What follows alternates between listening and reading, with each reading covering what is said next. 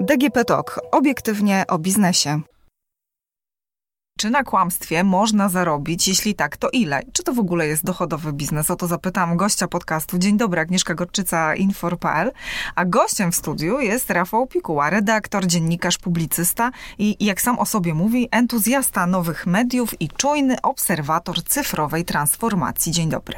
Dzień dobry, cześć. Dzięki za zaproszenie. No i teraz pytanie, czy w tym e, twoim przedstawieniu coś jeszcze można dodać? O sobie? Mhm. Myślę, że można powiedzieć o tym, że moja droga do świata technologii i zainteresowania technologiami wiodła poprzez to, że w pewnym momencie zdałem sobie sprawę, że technologie nas otaczają i w każdym momencie naszego życia mają na nas wpływ. E, zaczynałem jako dziennikarz filmowy i literacki, bardziej zajmowałem się tematami kultury, ale zobaczyłem, że narzędzie, czyli nowoczesne media i technologie są obecne w tym, o czym pisałem. Kiedy podróżowałem po Birmie, obserwowałem jak mnisi buddyjscy piszą na smartfonach. Kiedy pojechałem robić reportaż pod lubelską wieś, zobaczyłem, że są tam traktory z Wi-Fi. Kiedy zapytałem mojego dziadka o najważniejsze zmiany i wydarzenia w jego życiu, to powiedział, że to było ostatnie 10 lat. Kiedy pojawił się internet, kiedy mógł ze mną porozmawiać na Skype'ie, powiedział, że ta zmiana, że teraz jeden przycisk i rozmawia ze swoim synem, który mieszka w Australii. I zauważyłem, że faktycznie ta technologia jest coraz bardziej obecna, a tak naprawdę mało o niej wiemy. E, mówi się, że zaawansowana technologia jest prawie nieodróżnialna od magii. Ja stwierdziłem, że muszę tę magię zbadać. Czyli chcesz powiedzieć, e, że no, technologia jest wszędzie, czyli opcja taka, że rzucam wszystko i jadę w Bieszczady, to już teraz taka chyba atrakcyjna nie będzie. Ja myślę, że będzie atrakcyjna, tylko że pytanie, czy damy radę zrezygnować z pewnej wygody. Ostatni rok pandemii pokazał, jak ważna jest ta technologia. Powiem na prostym przykładzie pandemii COVID-19 mogliśmy się zamknąć w domu, pracować zdalnie. Świat się nie zawalił. Spędzaliśmy święta rozmawiając na Zoomie czy na, czy na Skype'ie. 100 lat temu nie byłoby to możliwe. Jak była pandemia hiszpanki, ludzie nie mogli pracować zdalnie. Wynikało to z tego, że świat był na zupełnie innym poziomie technologicznym. Dziś żywność, czyli rolnictwo, produkcja żywności ma w sobie wielki pierwiastek technologiczny. Nasza praca w dużej mierze opiera się na, na technologii. Korzystamy z technologii. Ja tak dla siebie stwierdziłem, że muszę rozumieć te technologie i zaczynając od prostego rozumienia, jak, jak działa mój telefon, w sensie jakie się komunikuje, jakie są narzędzia, doszedłem do tego, jak działa świat technologiczny. A jest to świat, który coraz bardziej przeraża, bo Big Tech, czyli największe spółki technologiczne, są nie tylko potentatami ekonomicznymi, nie tylko firmami, które dyktują rynkami, ale przede wszystkim są to firmy, które decydują o tym, co myślimy, co robimy, jakie mamy poglądy polityczne i mają wielki wpływ na kwestie społeczne. No mówisz, że świat technologiczny bardzo mm, się zmienił, a jak zmienił się świat informacji w tym wszystkim? Bo głównym tematem naszej rozmowy i tego odcinka podcastu są fake newsy. Czy to jest coś, co jest nowe? Fałszywe informacje to jest żadna nowość. Tak naprawdę fałszywe informacje istnieją od e, samego początku. Informacji właściwie. Informacji, mhm. czy nawet rozmów. Można by powiedzieć, że już e, wąż w raju zmanipulował Ewę fałszywą informacją. Tak naprawdę dzisiejsze media dają ogromne możliwości tworzenia fałszywych informacji, wpływania na narracje i debaty. Oczywiście kiedyś jak pojawiła się plotka, to ona dochodziła do kilku, kilkunastu osób, może poprzez tradycyjne media do kilkuset. Teraz mo może dochodzić do milionów albo miliardów. Zwróćmy uwagę też, że chociażby w naszym zachodnim bogatym społeczeństwie 99% osób potrafi czytać i pisać. 100 lat temu było to kilkanaście procent. Więc e, informacja jako taka stała się powszechna. Dużo mówi się przy okazji transformacji cyfrowej, że dane są ropą XXI wieku. Owszem, ale to informacje są walutą.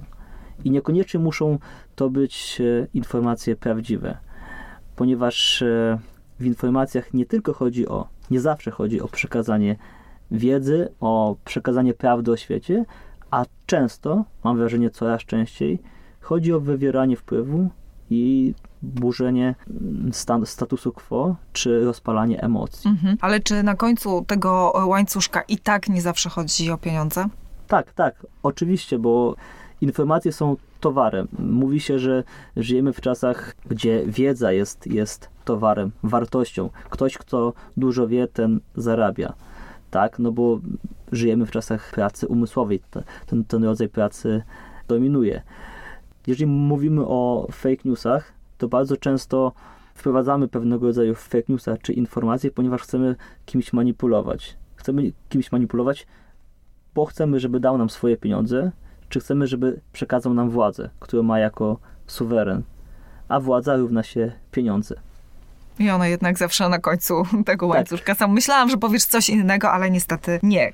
Więc y, skoro mowa o pieniądzach, to mm, czy na fake newsach da się zarobić? Oczywiście na fake newsach można zarobić, tylko że jeżeli mówimy o fake newsach, to na fake newsach można zarabiać w sposób pośredni i bezpośredni, doraźnie albo długofalowo. Mówiąc o takim e, zarabianiu bezpośrednim i takim doraźnym, przykładowo zatrudniam się jako płatny troll i piszę komentarze, które mają oczerniać konkurencję, czy w jakiś sposób e, wpływać na opinię publiczną. Jest też oczywiście zarabianie na fake newsach takie bardziej instytucjonalne. Powiedzmy, że mamy firmę X i firmę Y.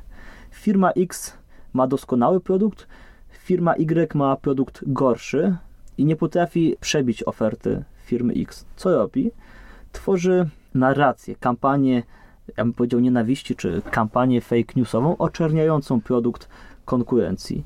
I w ten sposób podbiera klientów. Nie poprzez. E, Bezpośrednie tak, takie. Nie mhm. poprzez tworzenie lepszego produktu, bo wie, że lepszego produktu nie może stworzyć.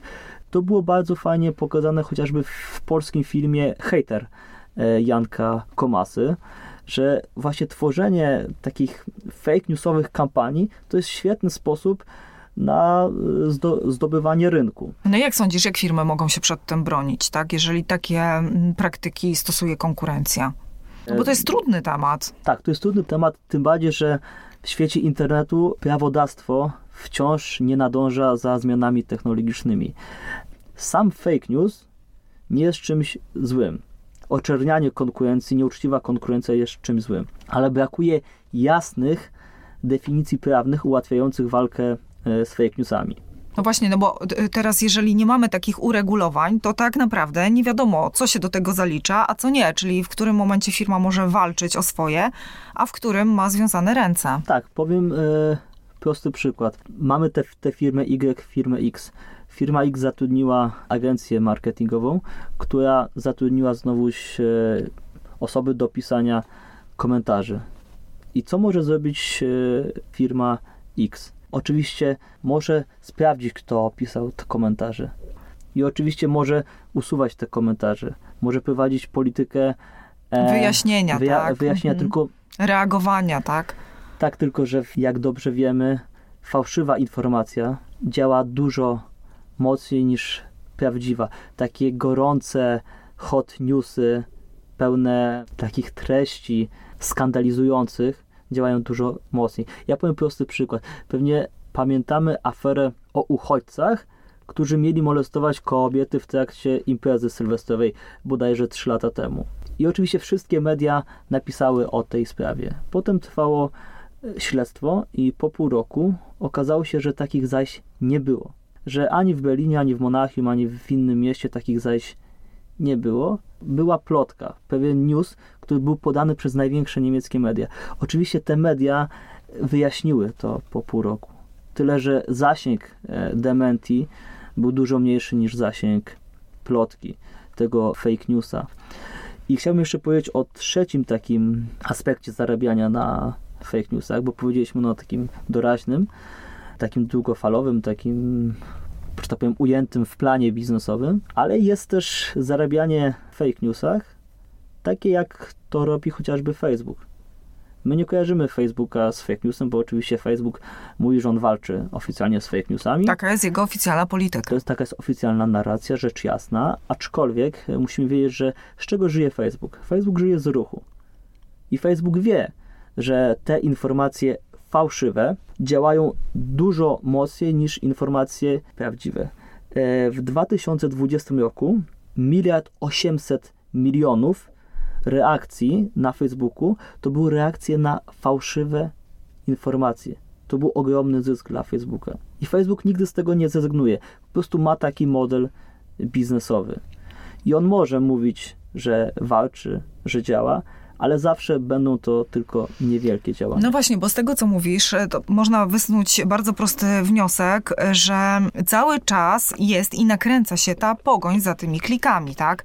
A pogoń za klikami znowu generuje to, że tych fake newsów przybywa coraz więcej, bo to one tak naprawdę nakręcają te kliki.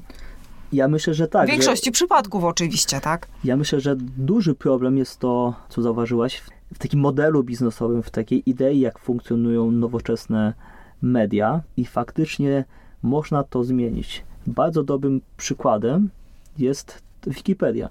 Wikipedia jest tym, czym powinien być internet. Profesor Jemielniak opowiadał wielokrotnie o właśnie idei Wikipedii. Profesor Jemielniak jest członkiem Rady Wikipedii. I mówił o tym, że tam władzę nad treścią mają użytkownicy. W Facebooku my jako użytkownicy jesteśmy produktem. Nie, nie wiemy, dlaczego pewien post nam się wyświetla, a inny nam się nie wyświetla. Nie znamy algorytmu. Potem można się już domyśleć, o co chodzi. Tak, tak. Mhm. Oczywiście. Więc zmiana modelu biznesowego jest jakimś rozwiązaniem. Druga rzecz, taka może pozytywna, którą ja zauważam, że coraz więcej mediów przychodzi na model subskrypcyjny i uczy swoich użytkowników, że za treści się płaci. Oczywiście w sieci zawsze się czymś płaci. Jeżeli ty nie płacisz swoimi pieniędzmi, to sam jesteś produktem. Czy model subskrypcyjny wyklucza obecność fake newsów? Nie, nie wyklucza, aczkolwiek ogranicza pewną pokusę. Jest większa weryfikacja. Jest większa weryfikacja, ponieważ jeżeli za coś płacę, to oczekuję. I zmienia w pewien pewien sposób e, odbiór tych treści, ponieważ mamy nawet w Polsce kilka portali, które żyją wyłącznie z ruchu. I to są portale, które mają w dużej mierze treści fake newsowe, bo, bo te oczywiście się opłacają. No i one się klikają. I one prostu. się klikają. Tak. Ale jeżeli nauczymy użytkowników, że za wartościowe treści się płaci, to jest jedna rzecz, i pokażemy, że informacja ma znaczenie, to może to pójść w dobrą stronę. Ja obserwuję, że coraz więcej redakcji tak robi w Polsce i za granicą. I to jest jeden aspekt. A drugi aspekt, moim zdaniem bardzo ważny, jest to praca u podstaw. Badania e, Digital News Report pokazują, że podatność na fake news jest zależna od wieku. Im użytkownicy starsi, tym częściej się łapią na no jak myślisz, z czego to wynika? Właśnie powinno być odwrotnie. Użytkownik starszy powinien mieć większą e, wiedzę, bo już w tym internecie dłużej przesiaduje. Czy niekoniecznie? No niekoniecznie, ponieważ to młodzi ludzie są cyfrowymi native'ami. To oni rodzą się w świecie internetu, są bardziej krytyczni. Starsi ludzie często mają takie zaufanie, to jest takie zaufanie, że jak coś powiedzieli w telewizji, to tak to już tak być. jest. To, to, mhm. już, to, już, to już tak jest. Nie mają często tego, tego krytycyzmu, ponieważ wierzą w te informacje. Te badania pokazywały, że 75% osób w Polsce przyznało, że codziennie lub prawie co, codziennie spotyka się z fake newsami. Z czego 56% zastanawia się, czy dana treść jest fake newsem, czy nie. Ten odsetek jest im pokolenie młodsze, tym większe. To wynika z tego, że, że młodsze pokolenie już jest wychowane w tym kapitalizmie inwigilacji, w tej całej narracji marketingowej i już ten nadmiar ich nauczył być krytycznymi. Starsze pokolenie, e, tak podejrzewam, żyło w świecie bez e, nachalnej reklamy i też w świecie, gdzie nie było tak wielu mediów. I wydaje mi się, stąd jest ta różnica. Ta różnica. Mhm. A wiesz, e, mówi się o tym, że kanały rządowe to są tak naprawdę takie tuby propagandowe. Ile w tym jest prawdy z twojego punktu widzenia? Chodzi o e, telewizję publiczną. Staram się nie oglądać. Powiedziałbym, że... E, Ale staram się, to znaczy, że coś tam obejrzysz. No, z dziennikarskiego obowiązku. Czy w telewizji publicznej są fake newsy? Oczywiście. Są fake newsy, są materiały zmanipulowane. Tyle, że jest to troszkę inny poziom manipulacji niż e, w internecie. Bym powiedział, że jest to poziom manipulacji, sposób manipulacji odpowiedni do odbiorcy, czyli do tego właśnie starszego odbiorcy. Bo czym innym są fake newsy telewizyjne, a troszkę czym innym fake newsy internetowe. Czym innym jest odbiór treści aktywny, czym inny odbiór pasywny. Więc to jest też zawsze zależne. Oczywiście by, y, tutaj nawiązując do tej telewizji y, nieszczęsnej, nie, nieszczęsnej y, publicznej, muszę przyznać, że telewizja publiczna jest narzędziem propagandy, a fake newsy to idealne narzędzie do uprawiania polityki. Tylko pokazał to chociażby doskonale Donald Trump. Tylko problem jest taki, że Trump odszedł, problem big techu i fake newsów pozostał. No właśnie, y, czy Trump podejmie Twoim zdaniem jakiekolwiek działania, żeby odzyskać utracone konto na, na Facebooku, czy raczej podaruje temat? W ostatnich dniach przedłużono ten. Y, no właśnie, y, przedłużono, właśnie zamknięcia, dla, tak. Dla Trumpa. Być może spróbuje, bardzo prawdopodobne przeniesie się do alternatywnych sieci społecznościowych, gdzie jest mnóstwo jego wyznawców, co paradoksalnie miałoby wielki plus ja tak samo jak... E, A dlaczego tak sądzisz? Dlaczego miałoby plus? Tak jak powstał polski Facebook e, Gazety Polskiej, Albikla. Śmiałem się z tego, bo było to strasznie, straszna niedoróbka, ale powiedziałem, że kibicuję takim projektom z jednego powodu. Bo walka z monopolem Facebooka, z, mono, z monopolem Big Techu jest jak najbardziej na miejscu. Musimy walczyć z monopolem. Oczywiście, gdyby Albikla czy Pile, ten amerykański serwis społecznościowy, który zrzesza właśnie mm, zwolenników Trumpa, e, wbił klin pomiędzy monopol, to jest szansa, że pojawiłyby się też inne alternatywy. E, myślę, że dla internetu, dla debaty publicznej byłoby lepsze, gdyby właśnie było dużo portali społecznościowych. Równolegle, tak? Równolegle, mhm. tak. Bo tak naprawdę mówimy, że ok, Facebook jest, jest jeden, ale ona zamyka w swoich bańkach. To, co ja widzę na swoim newsfeedzie, jest starannie przefiltrowane tak, żebym dłużej na tym serwisie pozostał. Pokazuje mi się to, co lubię. Ja jestem utwierdzany w moich przekonaniach, no bo taki jest model biznesowy Facebooka, żebym był jak najdłużej na tym Facebooku, na tym Instagramie. Trochę pewnego rodzaju przełomem trochę jest TikTok, to jest akurat chińskie narzędzie, czy Clubhouse, który jest serwisem, w którym się mówi a w serwisie mówionym, gdzie sami jesteśmy twórcami, jest trochę trudniej o fake newsy. Ja generalnie kibicuję małym projektom internetowym, które mogą zmieniać tę rzeczywistość i jestem także gorącym zwolennikiem idei wszechnicy danych, czyli takich to, że obywatele, użytkownicy są właścicielami danych, są właścicielami algorytmów, to oni decydują, jak wygląda internet. Czy internet jest możliwy do uzdrowienia? Myślę, że tak, ale jest przed nami bardzo długa droga i myślę, że z fake newsami można wygrać, tylko potrzebna jest raz presja, nazwijmy to rynkowa, gospodarcza na big tech, dwa presja polityczna i to się już w pewien sposób udaje, co pokazał spór chociażby Australii e, z Facebookiem, i trzy, taka oddolna, może mała rewolucja w nas, co pokazują bardzo często młodzi ludzie, którzy walczą z tą kapitalistyczną narracją i też młodzieżowy stajek klimatyczny. Ja wiem, że to jest o klimacie i wiem, że to nie ma nic z pozoru wspólnego z Big Techem, ale pokazuje, że młodzi są świadomi, jak wygląda świat i w którą stronę zmierza. I ja mocno wierzę, że tak jak nastąpiło przebudzenie ekologiczne, może nastąpić prze, przebudzenie technologiczne.